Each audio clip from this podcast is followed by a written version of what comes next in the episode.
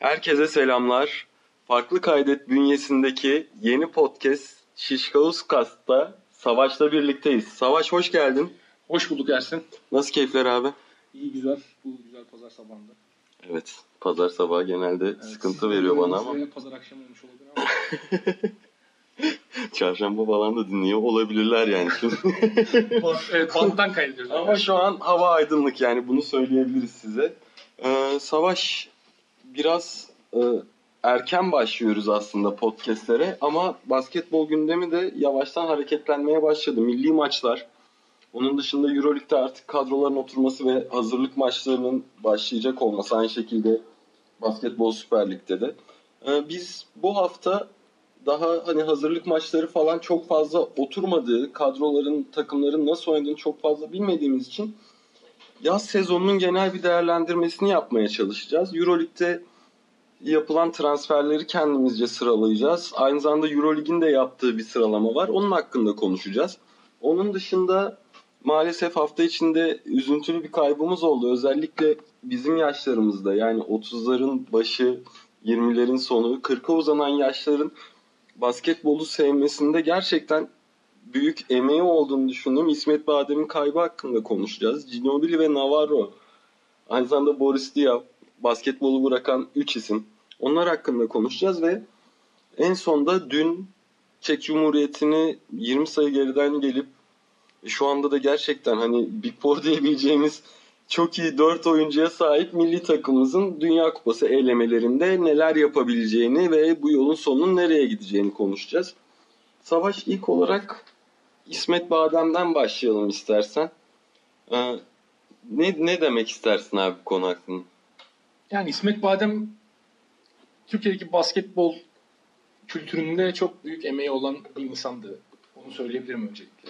Yani tabii ki e, seveni de vardır, sevmeyeni de vardır ama basketbola yıllar boyu verdiği emek tartışılmayacak seviyede olan bir insandı. Özellikle basketbol Türkiye'de patlama yaşamadan önce işte Murat Muratoğlu ile beraber Sine 5'te Euroleague anlatmış olmaları, orada uzun süreler bir de şimdi olmayan bir kültürdü. O zamanlar sürekli böyle bütün deplasmanlara gidip deplasmanlardan da maç anlatmaları işte haftalık asist programları vardı. Onu yapmış olmaları ve İsmet Badem'in biraz böyle şahsına münasır bir üslubu vardı. O bazılarına tabii İsmet Badem'i sevdirdi, bazılarına sevdirmedi ama yani çok önemli yeri olan bir insandı. Son yıllarda artık bırakmış olsa da. Ben tabii 90'lardaki kısma çok yetişemedim. 91'liyim ben zaten. Hani o bölümü çok hatırlamıyorum. Benim İsmet Badem'le ilgili ilk anılarım bu 2000'lerin başında işte asist programı Sine 5 o zaman şey olmuştu. E, Süper Sport. Süper Sport olmamıştı ama Sine 5 şifreli yayını bırakmıştı. Böyle gözlerimizi kısıp izlemeli bölüm geçmişti yani. Dekoder gerekmiyordu. Sine 5 halka açık hale gelmişti. O dönemlerde hafta sonuydu galiba. Böyle cumartesi falan yayınlanıyordu. Cumartesi saat 12.30. Evet evet. Böyle cumartesi sabah kahvaltıdan sonra. Aha. Onu yani ilk benim basketbola ilgimin başladığı dönemlerde onu izlemeyi severdim o yüzden böyle yakalayıp televizyonda bir tane küçük 37 ekran tüplü televizyonum vardı odamda. Onu da izlemeyi çok severdim. Hani o yüzden benim de basketbolla ilgili ilk anılarımın içinde yer alan bir isim İsmet Madem. Kendisine buradan e, sevenlerine ve ailesine başsağlığı diliyoruz. Tabii üzücü bir haber oldu. Bir de beklenmedik bir şekilde oldu bir anda. Sen ne demek istersin? Valla yine işin asist ve fanatik basket kısmı. Hani İsmet Badem'i sevdiğim ve her zaman da iyi hatırlayacağım sevmemizi sağlayan kısım şöyle fanatik basket salıları çıkardı. Ee, evin yakındaki markete gelmezdi ama mahallenin meydanına giderdi. Okuldan çıktığımda alır koşa koşa gelirdim. Orhan'la bazı zamanlar kardeşimle onunla iki yaş var aramızda. Bazı zamanlar gazeteyi bölüştüğümüzü hatırlıyorum mesela. Orhan işte genelde Orhan'a lig kısmını verip ondan sonra arka sayfadaki NBA'den başlıyorum. Çünkü hani düşününce fast break'in olduğu dönemler yine aynı zamanlar ama Fanatik Basket'in NBA sayfası ve fast break. Bunun dışında içinde araştırma geçen bir haber yazısı okumak o çağda gerçekten hiç mümkün değildi. Ya bilgiye ulaşmanın kolaylaşmadan önceki kısmında bu çabayı verip bunu insanlara ulaştırıyor olmak zaten çok büyük saygı içeren bir olay. Bu arada asist hani yetişemeyenleriniz olmuştur çok fazla. Yani bizim için Savaş Sine 5'in şifre zaman şifresiz zamanları dedi. Ama şifre zamanlarda da şifresiz yayınlanan programlar Efes'in Euroleague maçları bazısını şifreyle yapabiliyorlardı ama %90 öyleydi. Ve de asist programıydı. O yüzden yine aynı şekilde bizim de hani evde ana televizyonda bir şeyler izlenirken içerideki küçük televizyonda içerideki küçük televizyonda izlediğimiz programdı ve bu arada bir tavsiyede de bulunacağım size. Ee, aynı zamanda Lig TV'de de anma programı yapıldı. Onda da belli parçalar verildi o asist programındaki eğlenceli kısımlar. Teoman Kozan o programın yönetmeni arşivinden bir 17 dakikalık video paylaşmış. YouTube'da Teoman Kozan diye ar- aratırsanız yani keyifli bir 17 dakika geçireceğinizi ve hani bizim yaşlarımızın basketbolu nasıl sevdiğini de biraz daha anlayabilmiş olursunuz diye düşünüyorum. Yani çok hakikaten beni ben tahmin etmezdim yani. Ben böyle bu tarz ölümleri falan daha böyle normal karşılıyorum ama gerçekten beni iki gün çok fazla yıprattı. Epey üzdü. Yani sevenlerinin başı sağ olsun. Gerçekten hani ilk programımızda ya bu şekilde başlangıç yapmak istemezdik biz de ama en azından gerçekten hani çocukluğunu bu şekilde yaşayan hani çocukluğum öldü şey muhabbeti var ya hep mesela atıyorum işte bir sanatçı öldüğünde çocukluğum öldü falan deniyor ama halbuki hani adamın her şeyi aslında senin önünde. Fakat işte o şekilde bir basketbol anlayışı, basketbol sevdirme anlayışın şimdi olmadığını düşününce ve bizim gibi çok fazla insan da basketbolu bu şekilde sevmeye başlayınca hani benim için çocukluğum öldü diyebilirim bu durumda. Çünkü gerçekten hani çocukluğumda bayağı bir bölüm kaplayan bir kısım var Murat Muratanoğlu İsmet Badem ikilisinde. O anlayış aslında biraz da o dönem basketbolun daha böyle niş bir spor olmasıyla alakalı. Evet. Şimdi mesela basketbol daha kitlere yayıldı. Çok daha fazla bu işle uğraşan televizyoncu var, gazeteci var vesaire. Yani yine futbol kadar değil tabii Türkiye'de ama yine bayağı bir insan var.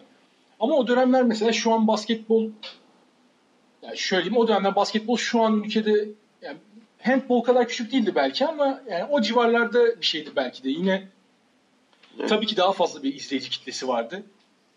Daha fazla taraftara hitap ediyordu. Ama işte o sporun o dönemlerdeki en büyük iki temsilcisiydi. Gazeteciliğinin ve televizyonculuğunun İsmet Badem ve Murat Muratoğlu hala devam ediyor. O da onun işte beraberinde bu işi her hafta sürekli böyle göz önünde olarak basketbolun adeta böyle bir misyoner gibi yayma görevine Evet. sahip olan iki insan da. O yüzden hani 90'larda çocukluğunu yaşamış kişiler için ve belki 2000'lerin başı da biraz çok şey ifade ediyor. Me- Mesela bu söylediklerimiz biraz şey e, boş gelebilir. Böyle 2000'lerin ortasından itibaren, sonundan itibaren basketbolu iyi göstermiş ve hani İsmet Badem'i Lig TV'de Türkiye Ligi maçı anlattığı yıllarla hani tanımış insanlar için biraz bu söylediklerimiz manasız gelebilir. Onu kabul ediyorum. Çünkü o dönemlerde İsmet Badem ortadaki işte onlarca yorumcudan bir tanesiydi. Ama o dönemler İsmet Badem bu işi yapan tek insandı yani. Hani NBA için Kaan Kural neyse İsmet Badem de aslında Avrupa basketbolu ve Türkiye Ligi, Ligi için 90'larda oydu belki de. O yüzden ben de tekrar buradan saygılarımı sunuyorum. Ee, Şimdi biraz da şeyden konuşalım.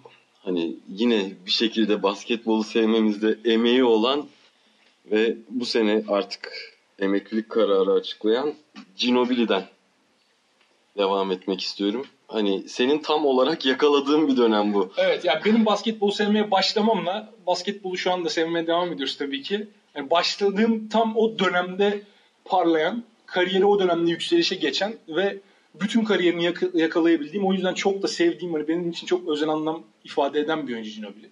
Mesela hani Navarro ile Diaw'u da konuşacağız birazdan. Onlar mesela benim için bu kadar anlam ifade etmiyor. Ginobili'nin hem özelliği biz Avrupa basketbolunu sevip izleyen insanlar olarak Avrupa Avrupa'dan yani Ginobili bir Avrupalı değil. Öncelikle tabii ki onu söyleyelim yani. Ginobili bir Arjantinli bir oyuncu. Ama Ginobili Avrupa basketbolunu tarz olarak temsil eden bir oyuncu olduğunu söyleyebiliriz belli yönleriyle. Belli yönleriyle de aslında Güney Amerika'yı temsil ediyor. Bu yönleri de onu daha böyle özel hani başkasına benzetilemez benzeri gelmeyecek oyuncu yapan niteliklerin bazıları da aslında tabii ki onun o Güney Amerikalılığından geliyor. Ginobili ilk parladığında tabii ki e, Kinder Bolonya'da oynuyordu. O dönem Avrupa şampiyonu olmuştu o takım Messina'nın koçluğunda. Messina ile zaten sonra tekrar San Antonio'da da buluştular. Yani Ginobili'yi tarif etmek bana boş geliyor. Çünkü tarif edilemez oyunculardan bir tanesi. Hani neyi iyi yapar derseniz Ginobili yani herkesin yapamayacağı, düşündüğü şeyleri iyi yapardı. Öyle garip bir oyuncuydu. Yani böyle saçma sapan bir pas dener. İşte kimsenin beklemediği anda. Hatta Popovic'in bununla alakalı Ginobili'ye söylediği şeyler vardı. Hani ilk bir iki sene beni deli ediyordu. Sonra da ama ben şunu anladım ki onun ben Ginobili olmasına izin vermek zorundayım. Çünkü başka türlü ondan verim alamayacağım demişti Popovic onunla alakalı bir röportajda.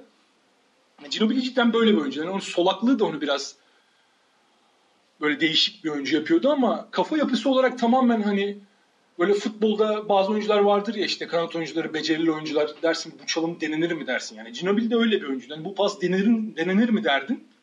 Bir tanesini denerdi. Saçma sapan bir top kaybı yapardı. Hatta bunu NBA finallerinde vesaire de yaptı ve belki de o San Antonio Miami finallerinin ilkinde seriyi kaybetmelerine neden olan oyunculardan bir tanesi Ginobili. Çok kötü bir final serisi geçirmişti. Bir tanesini bunları denerdi, yapamazdı.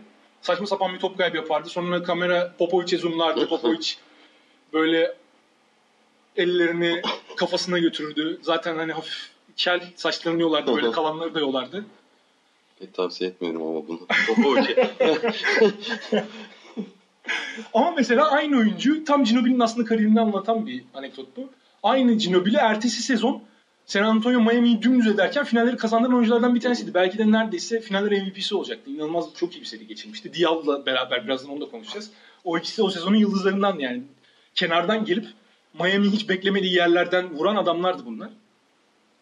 Ginobili bu sebeple Avrupa'dan gelip işte kıta dışı, Amerika dışı oyuncuların Avrupa'da yapabileceğini ve özellikle de Avrupa basket, basketboluyla alakalı stereotipleri yok etmeye yarayan yani daha doğrusu Avrupa basketbolu diyorum sürekli ama işte Amerika dışı oyuncuların atlet olamayacağını işte kısa oyuncuların Amerika dışından tercih edilmesinin çok şey olmadığı hani Güney mantıklı Amerika- olmadığı Güney Amerika basketbolunda da en Avrupa'yı oynayan oyuncu Ginobili herhalde değil mi? Ona benzetebileceğin yani en azından oyun tarzı olarak benzetebileceğin bir oyuncu var mı?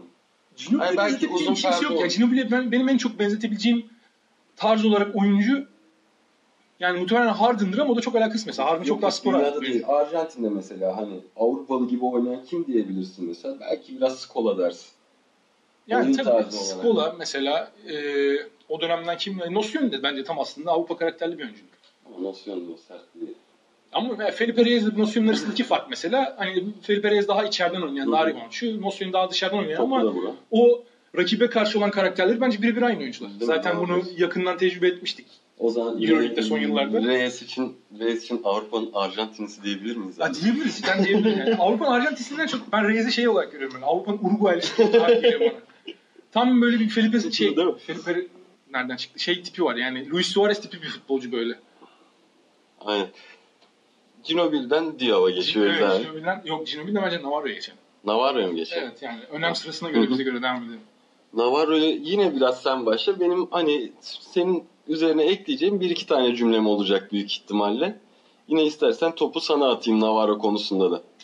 Navarro dendiğinde aklıma gelen ilk şey olimpiyatlarda Fransa maçında Fransa İspanya'yı kaybederken Nikola Batum'un Navarro'ya yapıştırdığı yumruk ve sonrasında atılmış mıydı oyundan? Ne olmuştu? Bir şey olmuştu. Tam hatırlamıyorum. Maçın sonuydu ama. Aynen. Maç bitmişti. Aynen. İspanya kazanmıştı. Hı hı. Bence Navarro'nun kariyerini özetle- özetleyen şey bu yani. Rakiplerini onu dövmek isteyecek kadar sinirlendiren ve çaresiz bırakan bir adamdı Navarro. Taraftar olduğu takımda oynadığında bayılacağınız tip oyunculardan bir tanesiydi. Hani kendine has bir şut stili demeyeyim kendine has onun, onun yani onun ardından isimlendirilen bir şutu vardı kendine özel. Ya o kadar da özel bir oyuncuydu. Euroleague'de iki şampiyonluk kazandı yanılmıyorsam. Ee, bir tanesi Pesic döneminde, bir tanesi Pascual'le. Ve iki takımın da en önemli oyuncusuydu belki de. Yani ilk takımda biraz daha gençti tabii. O takımda Yaskevicius vesaire de vardı ama takımın en önemli yerli oyuncusuydu o dönemde en azından. Çok özel bir kariyer geçirdi. Milli takımla çok büyük başarılar imza attı. Yani hatırladığımız bütün Avrupa şampiyonluğunda neredeyse en kötü yarı final oynadılar. Artı birçoğunda kazandılar zaten. Bir tek galiba son şampiyonda Slovenya kazandı. Bir de Fransa'ya kaybettiler diye hatırlıyorum son dönemde. Hı hı. O 2005'te e, pardon 2005 değil 2007'de Rusya evlerinde son saniyede yendikten sonra bütün Avrupa şampiyonlarına damga vurdular. Olimpiyatlarda çoğu zaman Navarro Gasol'lü takım Amerika'nın finaldeki rakibiydi. Yani Amerika'yı kaybetmek aslında bir Avrupa takımı için olimpiyat şampiyonluğu gibi bir şey oluyor. O yüzden o da çok üzülecek mağlubiyetler yaşamadılar orada da. Çok uzun bir kariyer yaşadı. Tabii kariyerinin sonlarına doğru son 3-4 senedir artık o meşhur ayak sakatlığı yüzünden çok fazla bir şey koyamadı ortaya. Ama yine de sembol oyunculardan bir tanesiydi. Avrupa basketbolu için mesela Navarro'nun önemi Ginobili'den daha büyük muhtemelen. Çünkü Ginobili çok erken bir dönemde Kinder Bologna ile parlar parlamaz NBA için ayrıldı. Ama Navarro bir yıl NBA'ye gitti. Sadece Memphis'te oynadı Gasol'ün yanında. Onun ardından tekrar geri döndü ve Avrupa genelinin tamamını Barcelona formasıyla geçirdi. Şu geldiğimiz dönemde de NBA'ye giden oyunculara baktığımız zaman hani yıldız olma potansiyeli olan en ufak oyuncu bile NBA'ye giderken Navarro gibi yıldızları Avrupa basketbolunun nasıl yetiştireceği bu dönemde biraz soru işareti. En yakın örnek gözümüzün önündeki Doncic mesela bu sene ayrıldı. Şu an yıldız dendiği zaman özellikle kısa oyuncular konusunda işte yıldız guard diye bir şey var. Basketbolda Hı izlemesi belki de insanlara en cazip gelen şey. Yani o patlayıcılık, Aynen. skor yeteneği vesaire. Bu tip oyuncular Navarro'su işte Spanulis, şu an Yuy var Real Madrid'de. Aynen. İşte Sergio Rodriguez var, De Colo var. Başka da aklıma gelmiyor. Şved var. Ya bahsettiğin 6 adam tane, 10 taneyi geçmez yani bahsettiğin oyuncuların hepsinde bir şekilde NBA'yi deneyip orada istediğini alamayıp geri döndüğü haricinde haricinde evet.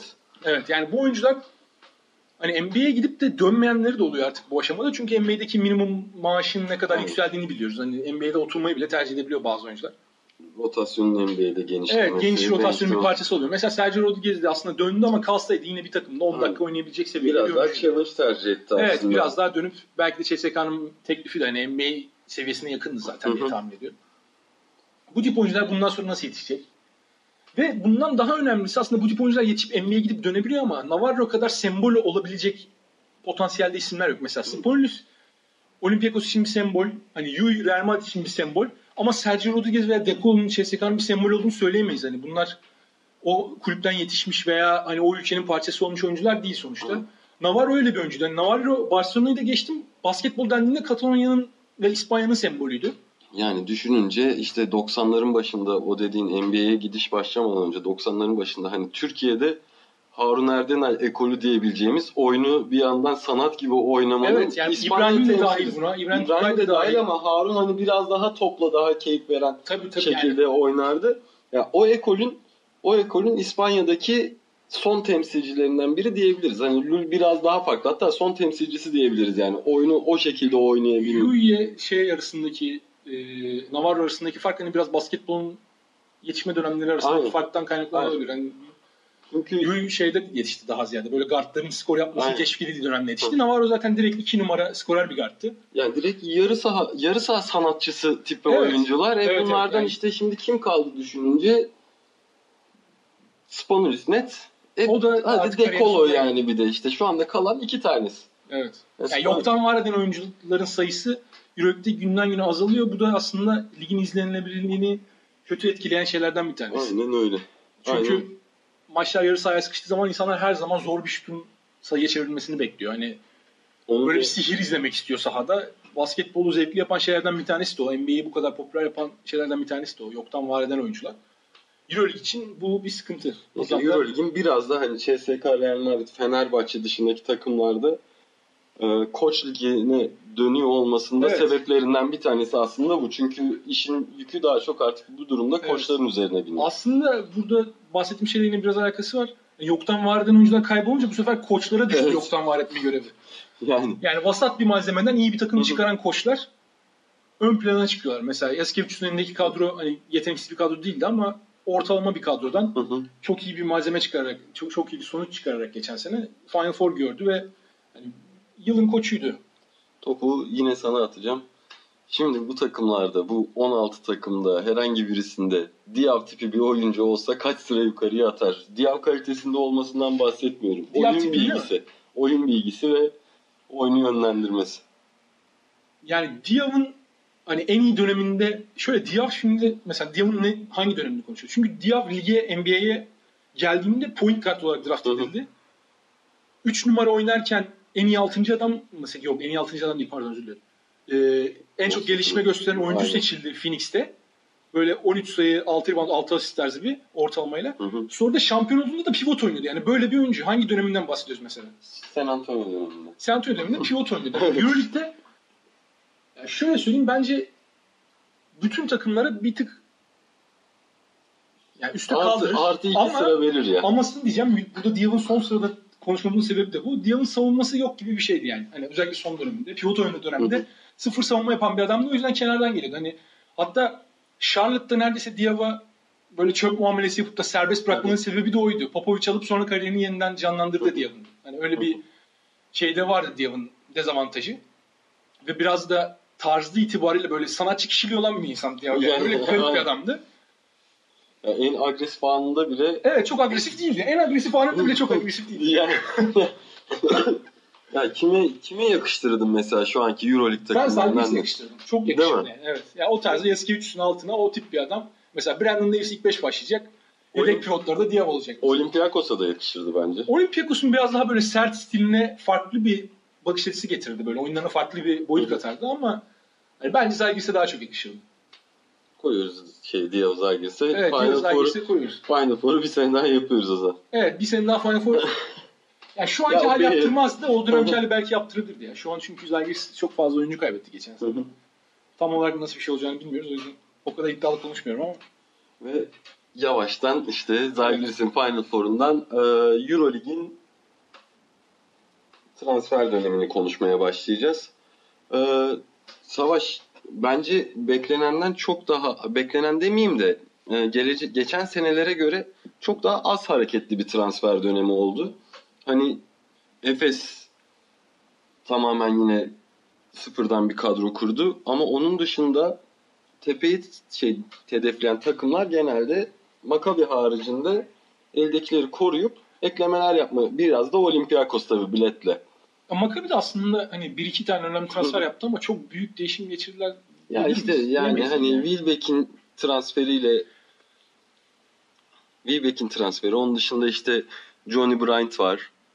Ee, yani bunlar Angelo Caloiaro biraz daha aslında hani istedikleri o tempolu oyunu oynayabilecek oyuncularla bir kadro kurmaya yöneldiler. Yani o yüzden söyledim. Olympiakos'ta yine biraz değişimler var.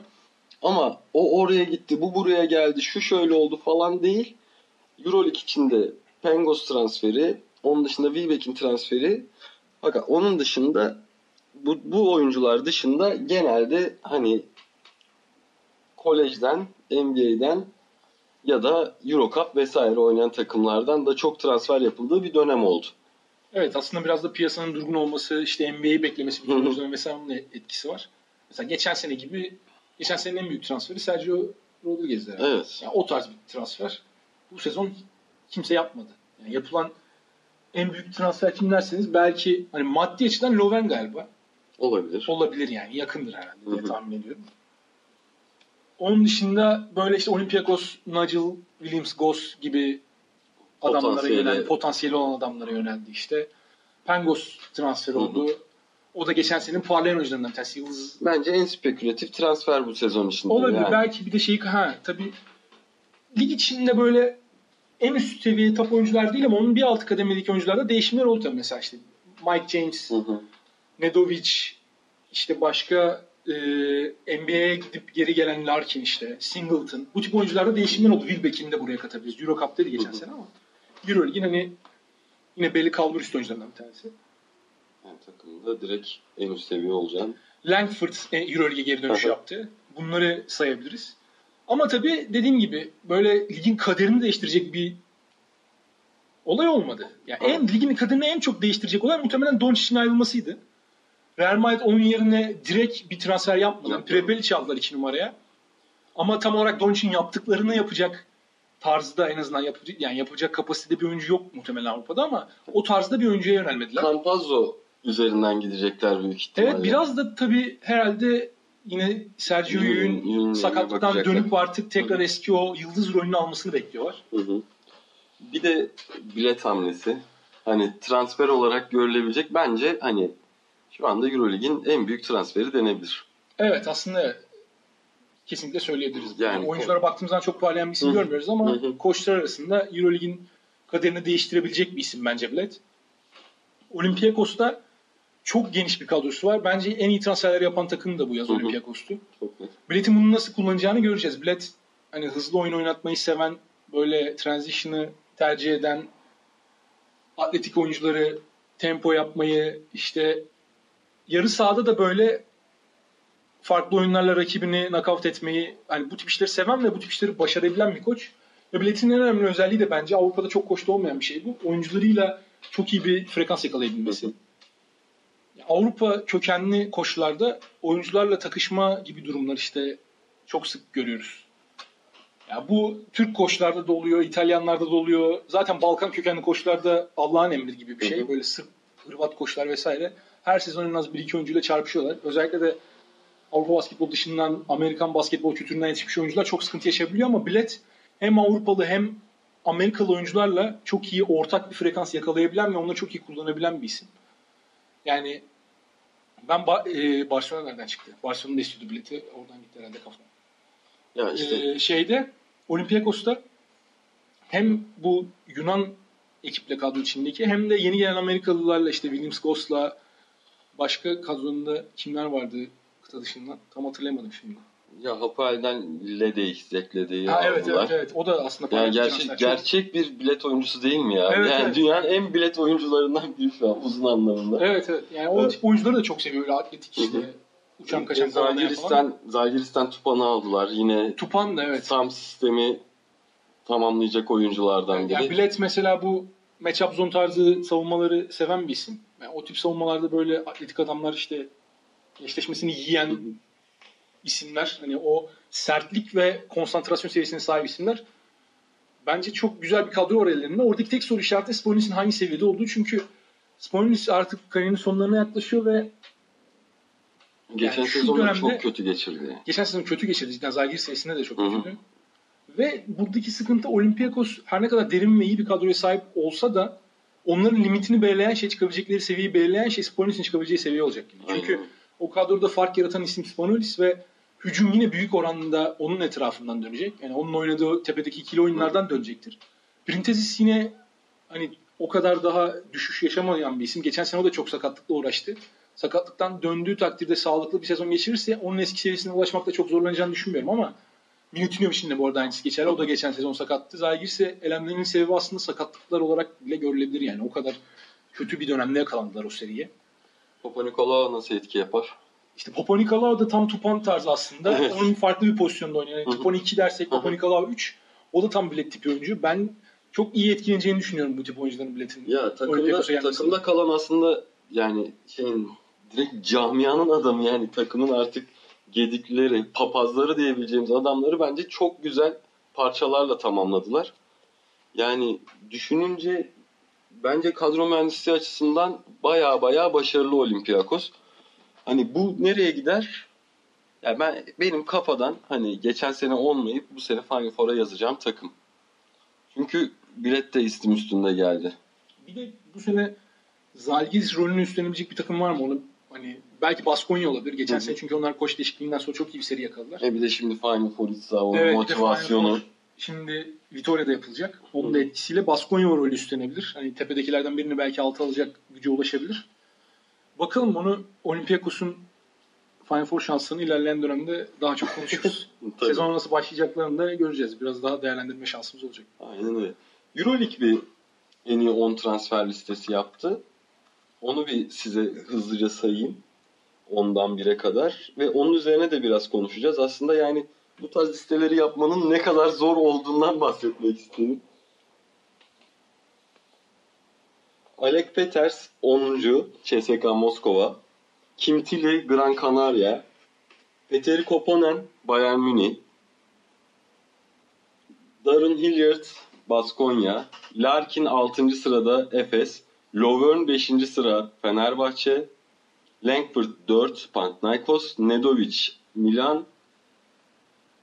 Wilbekin Maccabi Tel Aviv ve Kevin Pangos Barcelona. Şimdi ne düşünüyorsun bu tarz listeler hakkında? Yani ben bu tarz listeleri biraz boş buluyorum. Bunu baştan söyleyeyim mi? Evet. Yani ben Bu tarz, bu, bu tarz listeleri boş buluyorum dedim ama kendi en iyi 10 transfer de yaptım arada. ya ama onu konuşacağız dedik abi. Ben de bir şeyler, ben de kendi bir numaramı falan yaptım ama yani şöyle de bir durum oluyor. Şimdi Abi bu listeyi yaptın. Onlu listeyi yaptın. Abi her zaman bir 11. var ya ilk ona girmeyi hak eden. Abi bir de şöyle bir şey var. Bu Ya. listeleri yaparken çok politik davrandıkları belli yani. Mesela listenin tepesine gel bir bakalım bir daha. İlk söylediğin isim kimdi? İlk Pangos birinci. Ha şey Yok, on. Yani ilk Onun 5-6 sıra isim okey. CSK. İlk 5-6 sıra okey ama yani 10 Alec Peters 9 Kim Abi Kim Tilly, Kim Tilly'nin basketbol oynadığını Kim Tilly'nin Abi annesi 8, unutmuştur yani. 8 Koponen. Koponen Bayern Münih. Yani ne gibi bir beklenti var acaba bu transferden de ilk 8'e konmuş. Bu arada işte Olympiakos'un transferlerine biz çok fazla takım konuşmayacağız dedik. Ama mesela Olympiakos'un transferlerine falan vakit ayırırken hani mesela Euroleague sitesi nasıl bu transferleri tamamen göz ardı edip 2 senedir kaybolup giden Koponen'i ilk 8'e Ya işte dediğim koyabilir. gibi biraz çeşitlendirmeye çalışmışlar. Değil? Aynı takımdan iki oyuncu koymamışlar mesela. Yoksa Abi Olympiakos'tan da hiç koymamış ama ya. yoksa mesela işte yani Yani işte bir de bana şey garip geliyor. Şimdi turnuvanın resmi sayfasının en iyi 10 transfer sıralaması yapması falan bana çok garip işte geliyor. abi. bunlar NBA gibi olma çabaları. Yani NBA'nin resmi sayfası biraz daha böyle Hı hı. blog tarzı ya. Hı hı. resmi sayfa gibi değil. Euroleague'de ona çevirmeye çalışıyor. Biraz daha insanlar gelsin okusun. Hani içerikle etkileşim halinde kalsın, hoşuna gidecek şeyler yapalım diye de. E, tabii hani o, o seviyeye daha çok var. Yani işte şimdi şu, şu tarz listeler hakikaten sıkıntı. Ya garip geliyor abi bana. Şimdi neye göre mesela şey e, Lovern 5. Mesela Darren Hilliard daha ilk sezonu Amerika'dan geldi. Ve yani ne verebileceği gerçekten şüpheli bir adam. Hani net bir transfer değil. Bunu mesela 7'ye koymak. Hepsini tek birer birer takımlar Darren koy. Hilliard'ın 7'de olmasının tek sebebi Baskonya'nın almış olması abi. Buducnost. Buducnost mu? Buduknost mu? Abi ortak bir şey bulalım mı? Son sezon Bunu- konuşacağız. Ya da biz kendimiz ortak bulalım. Bence Buduknos diyelim. Buduknost mu diyelim? Buduknos mu diyelim? Bilmiyorum abi. O zaman Zalgiris mi? Zalgiris mi diyeceğiz, Jalgiris mi? Ben Zalgiris diyeceğim abi. Tamam, ben, ben Jalgiris diyeceğim. mesela bak sen Yul dedim ben Lul dedim. Yani hala dil o kadar Yul'a dönmüyor. Ondan sonra ondan sonra mesela tekrar Yul dedim. Yani ne diyelim? Abi gel Buduçnos diyelim ya. Zalgiris diyelim. Tamam abi. Bu Pardon. Hilliard arkadaşımızı Baskonya değil de Buducnost'u almış olsaydı Euroleague ilk 100 listesi yapsa 100'e koymazdı diyorum ben. Çok net değil mi? Evet. Çok net. Yani ilk ilk 50'ye şey koyar mıydın kardeşim? Örkür arkı mesela. Şimdi bu arada Hilliard bu sezon lige girecek abi. 16 sayı, 6 asist, Abi 6 rebound ortalamasıyla oynayıp Yapar yapar. sonra 5. podcast'te özür dilemek zorunda kalacağız. Değil mi? Bence bence iyi savunmacı. Ben çok tanımıyorum açıkçası. bence iyi savunmacı, agresif tempolu bir oyuncu. Yani tam aslında o sistemde iyi iş yapabilecek türde bir oyuncu ama abi yani yapmayın abi böyle listeler. Ya bakın bunu şimdi mesela şöyle bir muhabbet var. Twitter'da ben bazen yazıyorum işte tarihin e, benim en sevdiğim diziler. 8 tane dizi, yerli dizi. Adam 9.'yu yazıyor mesela bu. ya kardeşim benim listem bu. Bak bu benim listem. Ama yani Ersin ileri olarak yapıyorsun bu listeyi. Euroleague olarak işte düşünsene abi şimdi Olympiakos'un William Goss diye soru işaretli mention attığını Euroleague. yani bu işin sonu yok abi. Ya bu nereye varır? Nasıl gider bilmiyorum. Ama hani transfer döneminde ki aslında vasatlığı da gösteren bir durum bu. Öyle bir durum. Evet. Peki senin en iyi transferin kim Savaş? Bak Benim en iyi transfer. İlk onu sormuyorum abi. Ya da istersen onunu söyle ama ben en iyisini soracağım sana. Ben onunu söyleyeyim ya direkt. Loven, Pangos, Williams Goss, Nedovic, Mike James, Langford, Wilbekin, Tupan, Larkin, Singleton dedim ona. Hı hı. Kaçırdığım biri olabilir de 3 aşağı 5 yukarı böyle düşünüyorum. Artık kaçıranın hakkını helal etsin. Ne yapalım yani? Bunların arasında yani bir seçmek zor geliyor bana ya. Benim kafam Pangos'la Loven arasında gidiyor ama hani Nedovic de çok iyi transfer bence. Mike James de iyi bir transfer Milano gibi bir takım için. Larkin de çok iyi transfer. Hani ilk ilk beşimi söyleyeyim bunların arasından. Onların arasından bir, bir seçemeyeceğim ya. Loven, Pangos, eee, James, Wilbekin Abi 5 de yapamadım. 7-8 olacak. Neyse. Direkt bir söyleyeyim ya. Ben en iyi transfer Loven diyorum ya. Yani tam takım ve ihtiyaç evet takım ve ihtiyaç itibariyle hani Fenerbahçe'nin çok iyi bir reboundçıya ihtiyacı var. Loven de o konuda çok iyi bir isim. Artı ben böyle Veseli ile zıt- bir tarzları var. Hı. Tamamlayacağını düşünüyorum orayı çok. Hani Loven'i iptal edelim desek herhalde guardlar arasında kalırdım ya. Pangos, Wilbekin ve Larkin üçü de iyi transfer bayağı bence gittikleri takımlar için. Bunlardan biri arasında kalırdım. James'i biraz daha arkaya atıyorum çünkü ben James'e çok şey değilim, sıcak değilim. Ben Oyun tarzı itibariyle. Evet. Yani bilmiyorum ben ilk ona da koymazdım mesela bak. Yok ben Yani mesela sana 11. sıra diye hemen çat diye mesela böyle James'in olduğu liste e, Miçiş nerede falan diye böyle sana mention atardım abi düşününce. Ya Milano'nun takım karakterine çok uyan bir adam James. Ya Pjanic de o tip adamları seviyor. hı. Böyle 6. hafta falan Mike James'le kavga etmezse bence iyi sezon geçirir. Nedovic için de aynı geçerli.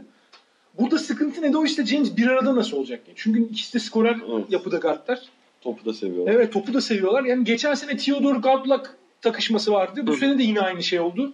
Ama Bakalım- Theodore Godlock'tan seviyeyi bayağı bir yukarıya Seviye çekmiş daha iyi oyuncular getirdiler.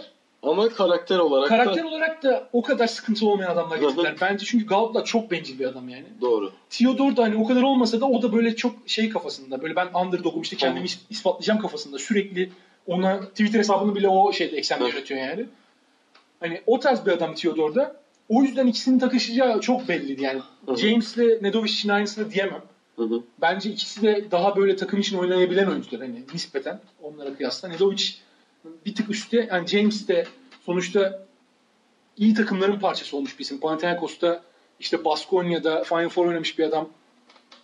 O açıdan hani çok büyük sıkıntı yaratacak bir adam değil.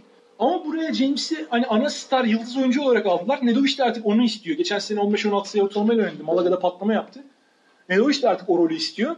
Hani ikisi o noktada kapışmazlarsa bence ikisi de çok iyi sezon geçirebilirler. Milan'ın akıbeti ne olacak tabii onu bilmiyorum. Kadronun geri kalanı bana çok ümit vermiyor açıkçası. Tabii. Yani evet pivot vesaire özellikle savunma konusunda çok büyük sıkıntı yaşayacaklar. Benim benim en iyim Pangos. Evet onu sen de konuşmuştun. Yani hani sadece takıma ne kadar katkı verebilir, ne olur ne biter. Hani Euroleague'de bir oyuncuyu bir takımdan bir takıma getireceksen ilk yazacağın şimdi isim bu sene Pangos'tu. Onu da Barcelona aldı. Hani aslında yıllardır olamayan takımı oldurabilecek oyunculardan biri. Direksiyon onda olursa ama yani o Barcelona'da direksiyon ne kadar Pangos'ta kalır, ne olur, ne biter, nereye gider Örtel belli. örtel diye öksüreceğim şimdi. Yani hani spekülasyon dışında takıma net fayda verebilecek oyuncular kimler? Hani artık o orada oldu. Yani bu transfer olmuş bir transfer diyebileceğim oyuncu oyuncular Wilbeck'in, Lovern ve Larkin. Bu kadar hani oldukları takıma uyacak. evet çok emin olabiliyorsun. Ben de yani Wilbeck'in Maccabi'de Daha da daha da iyi olacağını %100 emin gibiyim. hı hı. Hani kötü bir sezon geçirdiğini düşünmüyorum. bahsettin zaten. Larkin de cuk oturdu. Tam Ergin Ataman'ın seveceği tarzda bir guard. Hı hı. Lovern'den de zaten bahsettik. O da tam Fenerbahçe'nin ihtiyacı olan bir tip. Mesela burada bana en çok soru işareti gelen adamları söyleyeyim. Mesela Singleton yazdım ben. Hani Singleton'ın kariyerine ve özelliklerine hürmeten yazdım biraz ama Singleton bazen kariyerine ve özelliklerine kendisi hürmet etmiyor yani. Garip bir adam o konuda. Yani yapabileceği her şeyi sahada yapmayan bir adam. Mesela bence Euroleague seviyesinde böyle bir Draymond Green gibi bir savunmacı olma potansiyeli var ama bazen inanılmaz boşluyor. Sahada hayalet gibi geziyor. İşte çok fazla şutuyla aşk yaşıyor diyeyim. Yani çok fazla üçlüyü tercih ediyor. Dışarıdan atmayı seviyor. Ama o fizikte ve Avrupa'da bu kadar fark yaratabilecek bir adamın böyle e, relax, işte rahat, geniş takılması beni rahatsız ediyor açıkçası. Yani böyle bir oyuncu var burada ve biz bunun tam potansiyelini izleyemiyoruz. En iyi zamanı herhalde o açıdan Lokomotiv'deki zamanıydı. Yani Panathinaikos'a gelmeden önceki Aynen abi Final Four yaptıkları sene. Evet işte o sezon tam olarak bu Panathinaikos'taki daha skorer rolüne sahip değildi orada. Ama yani hem savunmada daha fazla efor sarf ediyordu. Hem de hücumda daha doğru şutları kullanıyordu. Yani o tarzda bir oyuncu olmaya geri dönmesi lazım. Bunu da Barcelona'da pes işle ne kadar yapabileceğini göreceğiz yeni sezonda. Yani Barcelona'nın rolü rolleri takım olarak çok oturmuş bir ekibi yok şu an daha. Hala kimliğini bulma aşamasında. Navarro'nun vesaire de gidişiyle tam olarak orada yeniden yapılandırma süreci başladı. Onu söyleyebiliriz. Göreceğiz Singleton. Yani burada benim için en önemli soru işaretlerinden bir tanesi o. Bir de William Goss, Williams Goss soru işareti. Ama o, bunun soru işareti olmasının sebebi hani oyuncu karakterinden ziyade Euroleague'de ilk defa oynayacak olması, çaylak olmasıyla alakalı daha ziyade. Genç, daha genç bir oyuncu olmasıyla alakalı. 24 yaşında yanılmıyorsam. O da bu seviyeye özellikle Olympiakos seviyesinde. Euroleague'e çünkü alt seviyeden değil direkt en tepeden giriş yaptı. O seviyeye nasıl uyum sağlayacak onu da göreceğiz ama o konuda Olympiakos'un kadrosundaki işte veteranların daha oturmuş olması, yıllardır belli bir kültüre sahip olmaları ve tabii ki bilet faktörü bence işini kolaylaştıracaktır. Savaş takımları tek tek konuşacağız. Hazırlık maçlarını vesaire de takip ettikten sonra daha net izlenimlerimiz olsun diye bugün pek konuşmadık ama bu sene transferde çok hareketli olan Efes'e dair bir soru sormak istiyorum sana. Öngörü olarak tamam en iyi transfer Larkin yani bu konuda netiz ki zaten hani bütün Euroleague'deki en iyi transferler arasında net olarak koyduk kendisini. Peki geri kalan transferleri arasında Efes'in Mrs. ondan sonra James Anderson, Moerman, yerli oyuncular Boboa, Plyce, yerli oyuncular Metecan, Buğrahan. Bunlar Sertaç. Bitmiyor yani. bunlar arasında bunlar arasında kimi en tepeye yazarsın Larkin'i dışarıya aldıktan sonra. Larkin dışında diyorsan ben bunun arasında Boboa'yı koyarım en tepeye. Hı hı. Yani Boboa da Larkin için söylemiştim demin. Ergen seveceği tarzda bir oyuncu diye. Boboa da o tarzda bir oyuncu. Bence Efes'in skor gücünü yüklenecek adamlardan bir tanesi olacaktır. Yani Larkin'le beraber muhtemelen o skor gücünü dışarıdan özellikle yüklenecek adamlardan bir tanesi olacaktır. Ki zaten kadroya baktığımız zaman hani ilk 5 olarak gözümüze çarpan isimler Larkin, Boboa, James Anderson, işte Moerman ve Dunstan. Burada kim skor yapacak dersen zaten Boboa yapmazsa Efes'te büyük bir sıkıntı olacak demektir yani. Anderson'dan beklemiyor musun iyi bir skor performansı? Anderson'dan iyi bir skor performansı açıkçası hani ortalamanın üstünde bir şeyler bekliyorum ama Anderson oyun tarzı olarak o skor gücünü yüklenip de zora düştüklerinde skor yaratabilecek tarzda bir oyuncu değil. Yani burada Larkin mesela o da yaratıcı bir oyuncu. O da delmeyi seven, içerleri zorlayan, işte ortalığı karıştıran bir adam. Ama Boboa kadar iyi şütör değil. Anderson'daki sıkıntı da o da top hakimiyeti bu ikili kadar yüksek bir oyuncu değil. Yani daha uzun tabii 3 numara karakterli oyuncu daha ziyade. Şut atmayı seven bir oyuncu oldu. Ama mesela Anderson içeri tehdidi, penetre tehdidi çok fazla yok. O aslında Boboa ve Larkin'i tamamlayıcı olarak düşünürsek bence güzel bir hamle gibi duruyor. Ama işte sadece hücuma bakmamak lazım burada. Efes'le alakalı yapılan transferlerde en büyük sıkıntı bence yani bu saydığımız adamların mesela ilk 5 sayıyorum. Hatta Mi- Misic'i de sayalım. Ve Simon'u da sayayım. Hani kenardan gelecek. Belki Simon burada ilk 5 bile başlayabilir. Anderson rolünü alabilir. Tabii ilk 5 çok belirsiz, muğlak bir tanımlama. Çok önemli değil o. Ne kadar az süre alacakları önemli. Yani burada iyi savunmacı diyebileceğim bakıyorum kadroya. Yani Doğuş Balba iyi savunmacı. Larkin iyi savunmacı. İyi Okey. İyi baskıcı. Ama yani Dunstan tabii ki yani ligdeki en iyi savunmacılardan bir tanesi ama bu üç isim dışında ben burada iyi savunmacı göremiyorum açıkçası. Yani birebir de. Ki yani birebir de iyi savunmacı olmalarını geçtim. E tabii bundan şeyi ayrı tutuyorum. Bu işte Buğrahan Tuncer, Birkan, işte Sertaç vesaire bu isimlerin veya Metecan Euroleague'de ne kadar süre alacaklarını bilmiyoruz ki. Evet. Yani muhtemelen çok da almayacaklardır diye tahmin ediyorum. Lig rotasyonunu genişletmek için yapılmış transferler bunlar. Yani burada Dunstan'ın üzerine çok fazla yük binecek. Yani Dunstan ne kadar kotarabilecek bunu? Çünkü Dunstan'ın da yaşı zamanla artık hafiften ilerlemiş durumda. Ya tabii ki Dunstan hala kar- kariyerinin zirvesine çok yakın bir seviyede oynuyor. Ve cidden çok iyi bir savunmacı yani. Potu altında Heinz'la beraber muhtemelen 5 numaradaki en iyi iki savunmacıdan bir tanesi. Ve Heinz'dan farklı özelliklere sahip. Hani Heinz daha ziyade switchlerde etkili bir oyuncu. Dunstan pot altını karartma yeteneğine sahip bir adam.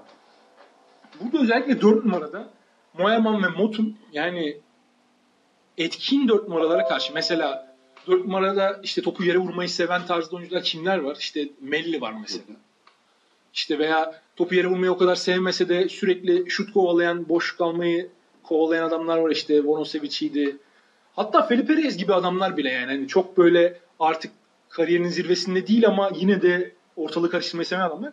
Efes'e 4 numaradan çok fazla sorun yaratacaklar gibi geliyor bana. Çünkü ya Moerman çok yumuşak kalıyor. Motun da hani Moerman'dan biraz daha belki hani fizik olarak daha çabuk ama o da yani çelimsiz bile diyebileceğimiz bir oyuncu. Hadi Moerman biraz daha kalıplı. Ya senin aslında bir Biraz de söyle- sıkıntı var yani şey yani Larkin ve Dunstan dışındaki aslında Efes transferleri bence Boboa da dahil e, bir tepeyi görmüş. Ondan sonra o seviyeden aşağıya inmiş ve tekrar o tepeyi zorlamaları gereken oyuncular takıma faydalı olması gerekirse. Ya ben açıkçası hani orada çok sıkıntı görmüyorum. Bunlar böyle hani yaşlı diyeceğimiz oyuncular değiller. Ama Zirveye yakın oyuncular. Hı hı. o zirveyi bir daha görürler mi onu bilmiyorum. Yani Larkin bence çok net görebilir. Yani Larkin çok öyle yaşlı Değil mi? gelmiş bir şey. Bahsetmiyorum. Anderson, Moerman. Ya evet mesela Muerman böyle underdog diyebileceğimiz bir takımda parlamış Evet. ve sonrasında diğer oynadığı ekiplerde o seviyeyi hani görememiş bir oyuncu. Biraz soru işareti o yüzden. Motum da mesela Zalgiris'te iyiydi. Hı hı. Fena değildi en azından ama 4 numara rotasyonunuzu siz yani Moerman ve Motum yapıyorsanız orada bir sıkıntı var demektir. Yani 3 numarada da Anderson de- bilinen bir oyuncu değil. Simon da öyle. de Boboa da öyle. Geçen sene ama Motum da hani şu Efes'te aslında sezon başı hani gelecek sezon kurulacak takıma devam etmesi beklenmeyen ama performansıyla da kalabilen bir oyuncu. Yani o yüzden hani Motum için eksik kalır mı diye düşündüğümde ben şey değilim senin kadar kötü düşünmüyorum. Ben Yani kötü rol gözükeceğini zannetmiyorum ama takımın yani belli bir limiti olmasına sebep olacak oyuncular bence Moerman ve Mut. Çünkü oradan çok fazla delinecekler gibi geliyor bana. Özellikle yani savunmada. Rakipler de oraya çok fazla oyuncu ama. Anderson ve Moerman'ın o işte bir kez yükseldikleri potansiyele bu sezon tekrar ulaşmalarında çok acayip hücum performansı yüksek bir takıma dönüşmez mi? Ben hücum performansı olarak çok yani iyi olacaklarına eminim. Yani çünkü Yani Moerman'ın güç var ellerinde. o savunma zaaflarını tolere etmez mi yani o? E, edemez bence. Edemez Bence edemez, evet. Yani savunma çünkü ya Moerman burada rol olarak ana rolde olmayacak. O kadar Hı hı. hücumla onun üstünden dönmeyecek işler. Anderson da keza bence öyle. Hı hı. Yani bu isimler Anderson tamamlayıcı bir şütör olacaktır muhtemelen bu- kadroda. Moerman da keza öyle. Çünkü zaten hani en iyi yapabildiği şey o. Dışarıda dört numaradan alan açmak guardlara. Burada bence yine en parlak performansı gösterecek iki isim Larkin ve Dunstan olacak. O zaten kaliteleri itibariyle de belli. Yani. Onların dışında ben skor yükünü Boboğan'a yükleneceğini düşünüyorum. Ki Atıcıyla- Boboğan da savunmada sorgulanabilir bir adam. Hani. Atıcıyla tutucun iyi olacak abi prensibi üzerinden. Ya o doğru, o doğru atıcıyla tutucu. Doğru ama hani gerisi de var abi. Sonuçta atıcıyla tutucu takımın %40'ına tekabül ediyor yani. Geri kalan %60 da önemli. Diğer koçlar özellikle tepe takımların koçları da bu tip zaafları yakalayıp sürekli onların üstüne oynamayı çok iyi beceriyorlar Euroleague'de. Ben bayağı hani Efes'in başarılı olacağından ümitliyim. Bu arada geçen sene Benim- çok daha iyi olacağına ben de katılıyorum. Yani sadece ben bu takımdan bu sene beklediğim performans böyle geçen seneki Maccabi Baskonya arası bir şey. Hani 8-7 Hı hı. o civarları zorlayacak bence. Playoff yapmalarını bekliyorum ben de bu sene artık. Zalgiris oradan düşecek çünkü bence. Ve orada bir takıma daha yer açılacaktır. Maccabi de Wilbeck'in transferiyle orayı zorlayacak. Orada bu takımlar arasında bir çekişme olacak. Baskonya bence daha yukarıda bitirecek sezonu. Bir de iyi başlarlarsa sonuçta hani Efes'in taraftar anlamında zorlayabilir taraftar anlamında diğer takımlara göre bir sıkıntısı var. Daha düşük bir taraftar potansiyeli Evet ama o- başarılı iyi başladığında da Efes'in bir anda salonu şey yapan hani iyi dolduran bir kitlesi de oluşuyor. orada sıkıntı işte Abdi Pekçi gittikten sonra Sinan Sinan Erdem- Erdem'le aynı şeyi atmosferi yakaladığını ben Efes'in hiç görmedim. Hani Efes hiçbir zaman taraftarla meşhur bir takım olmadı ama iyi oynadıkları dönemlerde iyi bir seyirci topladılar Evet. Abdi Pekçi'ye. Ve çok keyifli bir Yine- atmosfer oluyordu içeride Abdi Pek'te Yine yani. onu yakalarlarsa, o şeyi, havayı yakalarlarsa yine seyirci yakalarlar ama yani Sinan Erdem de onu oluşturabilirler. Evet, çok iyi Sinan Erdem olacak biraz, diyorsun değil mi? Sinan Erdem biraz böyle hayalet şehir gibi. Yani Sinan Erdem'i canlı yapabilmenin tek yolu herhalde o Final Four'daki gibi yani böyle Borussia Dortmund tribünü gibi bir şey olması lazım ki orada anca o zaman canlanıyor yani. O yüzden Sinan Erdem'le oynamak biraz Efes'in O, dezavantajı. o karanlık tribünlerin ruh emiciliği. Evet evet. evet. Yani çok acayip abi. Ee, yavaştan ve bu arada hani ben de kendi adayımı söyleyeyim bu takımda James Anderson. Çünkü daha tempolu oynayacak takımda ben epey yüksek skorlara ulaşabileceğini ve yani kimki performansının üstüne net olarak koyacağına eminim. Ee, bakalım bu hafta Efes'in şeyde Gloria Cup turnuvasında oynayacak. Monaco var turnuvada, Banvit var. Ee, onun dışında CSK var. Yani bu takımlar her seviyede aslında test edebilecek kendini. Hangi grupta olduğunu şu an hatırlamıyorum. Ama hani en azından final yoluna kadar 3 maç yapacak. Yani bu turnuva aslında Efes hakkında net konuşmaya başlayacağımızın bir işareti olacak. Bir de şunu hatırlatalım. Euroleague'in başlamasına kadar olan dönemde 11 Ekim'de başlıyor. 11 Ekim'e kadar olan dönemde takımları birer birer daha uzun konuşacağımız bölümlerimiz olacak zaten. Burada sadece biraz böyle işte geyik muhabbetiyle karışık transferleri Evet. değerlendirmeye çalıştık. Bu Duşmos'u kaç dakika konuşacağız Savaş? Abi Budućnos'ta benim şu an kanım ısındı. Bence Budućnos'ta biz 15 dakika ayırırız en az yani. 15 dakika. Evet. Tamam, Çünkü ben- Karadağ'dan bayağı uzun sürede takım gelmiyordu. Değil mi? Ben Örkülark'ı 11 dakika konuşmak istiyorum. Tamam. Bu 15 dakikanın 11'ini sana vereceğim. 11 dakika Örkülark. Tamam tamam. Hatta Örkülark'ı bağlamaya çalışabiliriz belki. Şey- Örkülark'ı Evet. deneyelim ya bunu. O zaman Örkülark numarası yapacak bir adam bulacağız tabii ki. Örkülark'ı bağlayamayız da. belli olmaz mı? Belki. Örkülark'la Örkülark'la Şişka Uskas sizlerle. Umarım bunun için çabalayacağım. Şey, şimdi de programı kapatmadan milli takım. Ee, yeni format Dünya Kupası adı altında oynanacak 2019 içinde. İlk önce e, dörtlü gruplarla elemeler başladı. Her takım e, elemelerde yer aldı. Belli torbalara ayrıldı. Türkiye'nin grubu Letonya, Ukrayna ve İsveç'ti. Ee, İsveç'e karşı alınan şanssız bir mağlubiyet. İç sahada hani sonuçta işte Euroleague FIBA çekişmesi ve NBA'deki oyuncuların gelememesi durumu haricinde yine de iç sahadaki o eksik takımın neden eksik olduğundan da aslında şimdi hani biraz hazırlık maçlarına falan konuşacağız bahsedeceğiz. Eksik takımın iç sahada yine de rakipleri domine etmesi ve bu yazda Cedi'nin, Furkan'ın her zaman maalesef kontrat senesine denk gelen turnuvalar yüzünden uzun zamandır milli takımla beraber olamayan Ersan'ın varlığıyla çok keyifli bir takıma dönüştük. Dün gece Çek Cumhuriyeti'ne 20 parktan son çeyrekteki inanılmaz oyununa geri döndük. Ve şu anda elde aslında tam anlamıyla yani ekonomist tabiriyle diyeyim elde muazzam bir Big Four var abi. Wilbekin, Furkan, Cedi, Ersan. Ee, Bunları mobil bir uzunla tamamlayabilsek tam anlamıyla bir Ufuk Sarıca takımı. Ama şu anda da herhalde bir milli takım koçunun işte bu oyuncuların gelip gittiği dönemler hani her zaman tam o eldeki e, havuzu tam olarak kullanamayan koçların çok çok önünde Ufuk Sarıca Cedi'nin, Furkan'ın, Ersan'ın katılması ve Wilbekin'in devşirilmesiyle yani ne düşünüyorsun maçlar hakkında ve Cuma günü oynanacak Karadağ ve gelecek hafta oynanacak Slovenya maçı hakkında?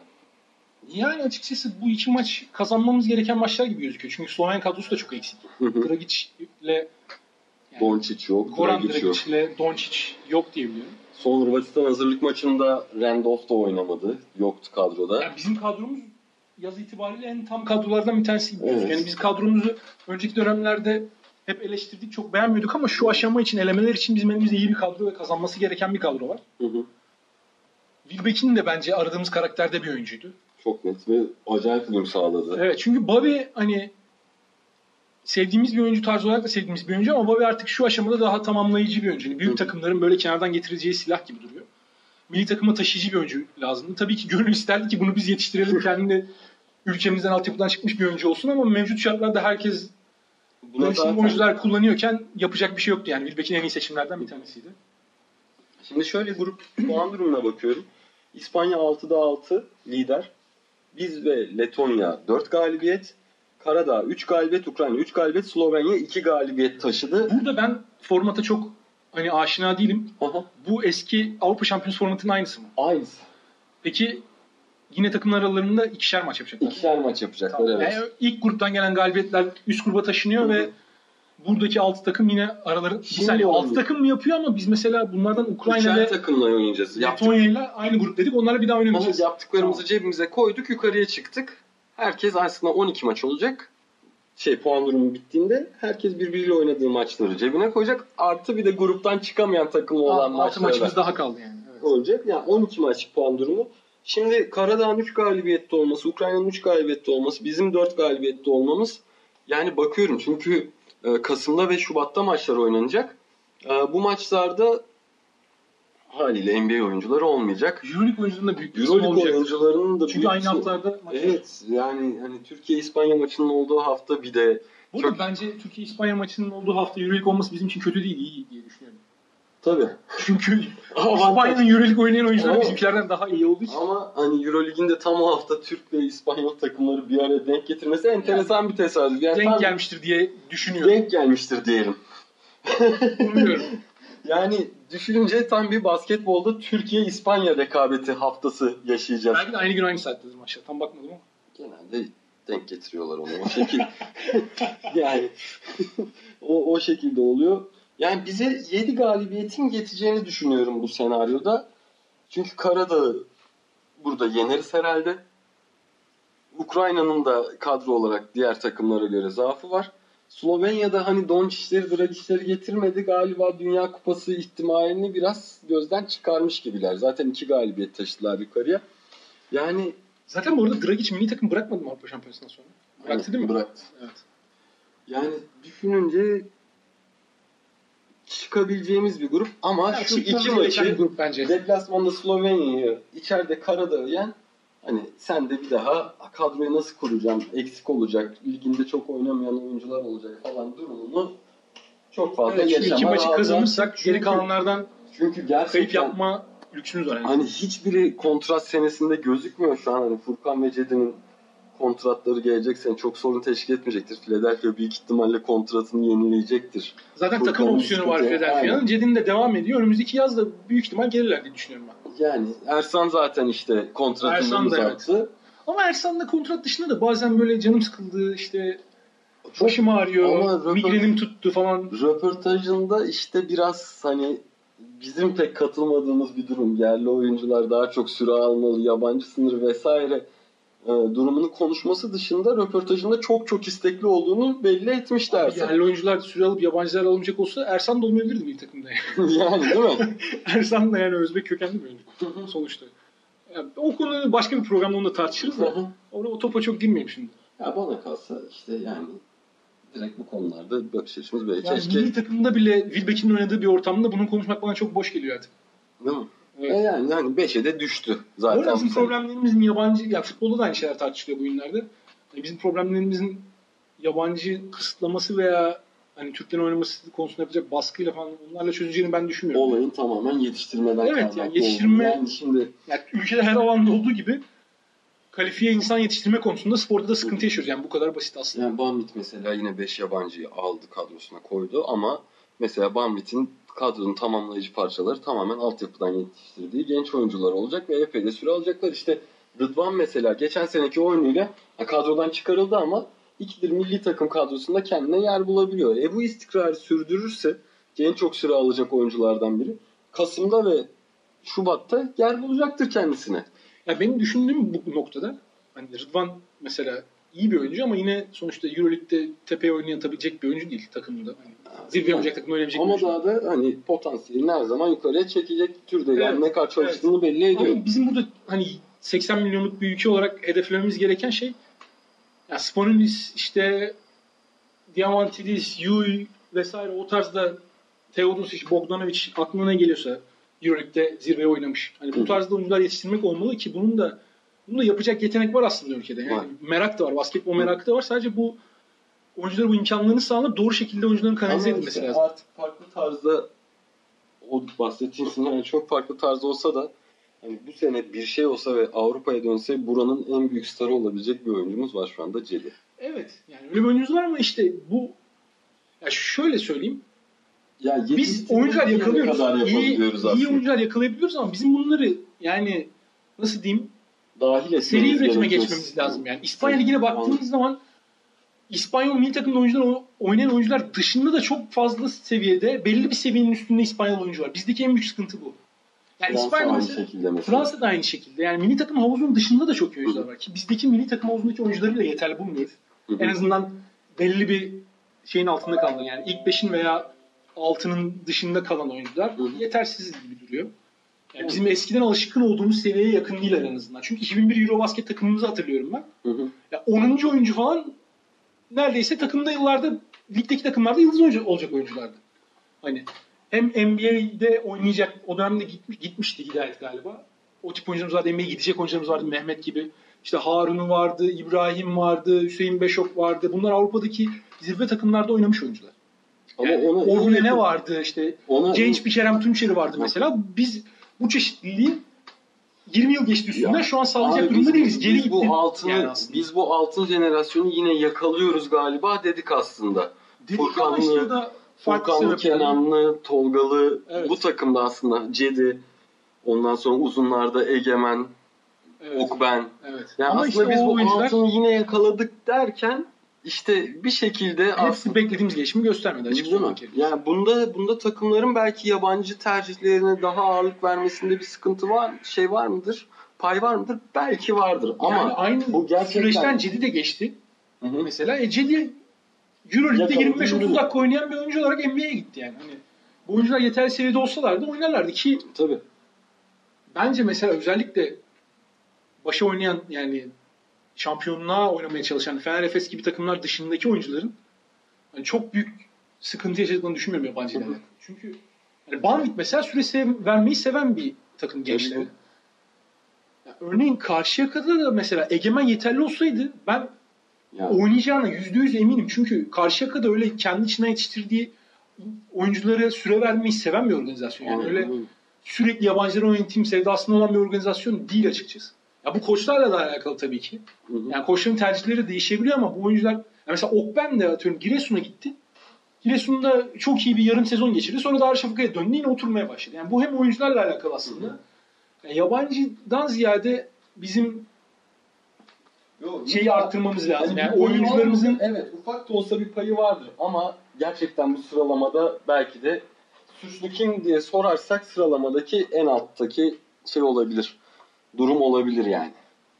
Ya bilmiyorum ama hani şu eldeki takım en azından ümit ve keyif veriyor. Ha bu sene işte ekonomik kriz bakalım takımları ne kadar aynı yabancılarla devam edebilecekler. Yani 2000'de Tofaş'ın kapandığı sene benzer bir durum yaşanmıştı. 2001 ekonomik kriziyle takımlar epey sıkıntı yaşamıştı. O zaman yabancı sınırlaması falan tabii ki daha dardı ama yani yine o zaman sadece tepe iki takımın olduğu ve onların at koşturduğu bir lig vardı. final kimin oynayacağının belli oldu. Tamam, bu sezon böyle bu sene az çok belli ama bu sene bir takımlara baktığında hani 11-12 tane playoff'u yapar ya bu takım diyeceğin takım var hala.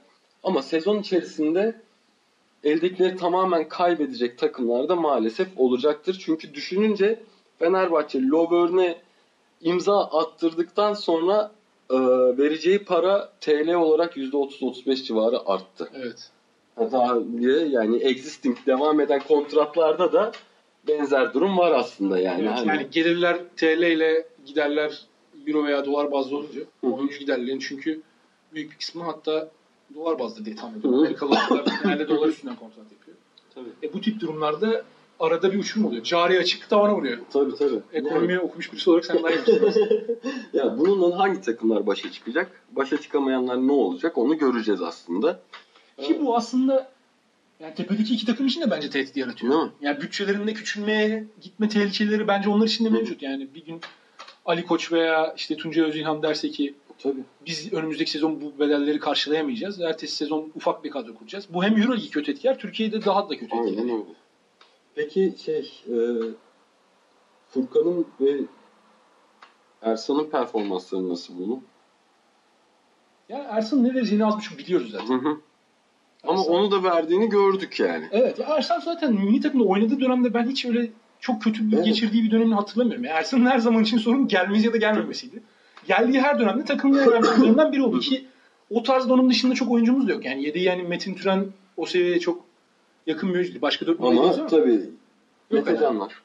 Evet Metecan da sonuçta genç Met, Metin de öyle. Yani çok daha o seviyelere çıkarmış oyuncular değiller. Ama Ersan'ın arkasında- Ersan çok üstlerinde. Ersan'ın arkasında kimleri tercih edersin? Metecan ve Metin gibi oyuncuları tercih ederim. O yüzden ben de 4 Benzer numarada profilde fazla... oyuncular yani daha onlar da mobil oyuncular ama tabii Ersan seviyesiyle alakalı. Değil? Metin bu arada işte son eleme maçında ki performansını hatırlıyorum. Yani katkıyı gerçekten en üst seviyeye verebilen ve bench'te ben bu kadar enerjisi yüksek oyuncu az gördüm. Her Yani dakika yukarıya. Yani bu kadar genç olup bu kadar her an sahayı içinden takip eden bir oyuncu görmedim yani bu yaşta. O yüzden Metin beni çok şey yapıyor yani. Emin tutuyor kendisi hakkında. Umarım bu sene Telekom'da iyi süre bulur da o ivmeyi her zaman yukarıda tutabilir. Evet, Çünkü bu oyuncuların süre bulması lazım. çok da süre abi görüntüsü falan. İnsan gerçekten hani Metin Metin'i yakından falan böyle sahada salonda takip ettiğinde Metin mutlu olsun istiyorsun. Çünkü her an o iyi niyetlilik belli ediyor. Yüzünden okunuyor.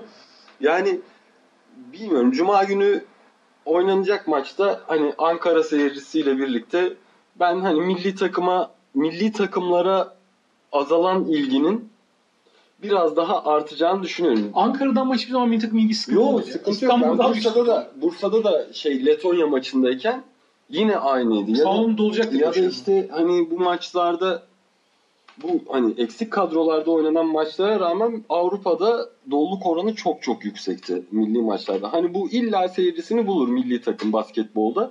Ama kastettiğim şey televizyon ilgisi vesaire böyle durumlar. Yani hani keşke bir şekilde şu olaylar rayına otursa da bu eleme maçlarında vesaire e, tam anlamıyla milli takımları izleyebilsek. O yakın zamanda çözecek gibi durmuyor. Durmuyor ama keşke olsa diyelim Yani, yani. bir umut var bence. O da umut da Euroleague ve FIBA'nın anlaşması umudu. Hani fikstürlerin birbirlerine göre ayrılması umudu. Euroleague bununla alakalı bir iki teklif yaptı. En azından olmasını umut edelim yani hani bu durumun. Ee, vallahi Savaş ben açıkçası yani daha kısa tutarız diye düşünüyorduk ama bir saati nasıl doldurduğumuzu anlamadım Artık yani. ilerleyen bölümlerde zamanı daha iyi idare etmiş. Evet abi bunları daha şey yapacağız. Yani umarım bir ilerleyen günlerde belki kestik falan diyen bir arkadaşımız da olur bizimle birlikte bizi kontrol altında tutabilir. Umarım siz de dinlerken çok keyif alırsınız. Biz yaparken keyif aldık açıkçası. Yani benim için de gayet güzeldi. Ee, haftaya yine bir aksilik çıkmazsa pazar günü görüşmek üzere. Kendinize çok iyi bakın. Sevgiler, saygılar. Görüşmek üzere.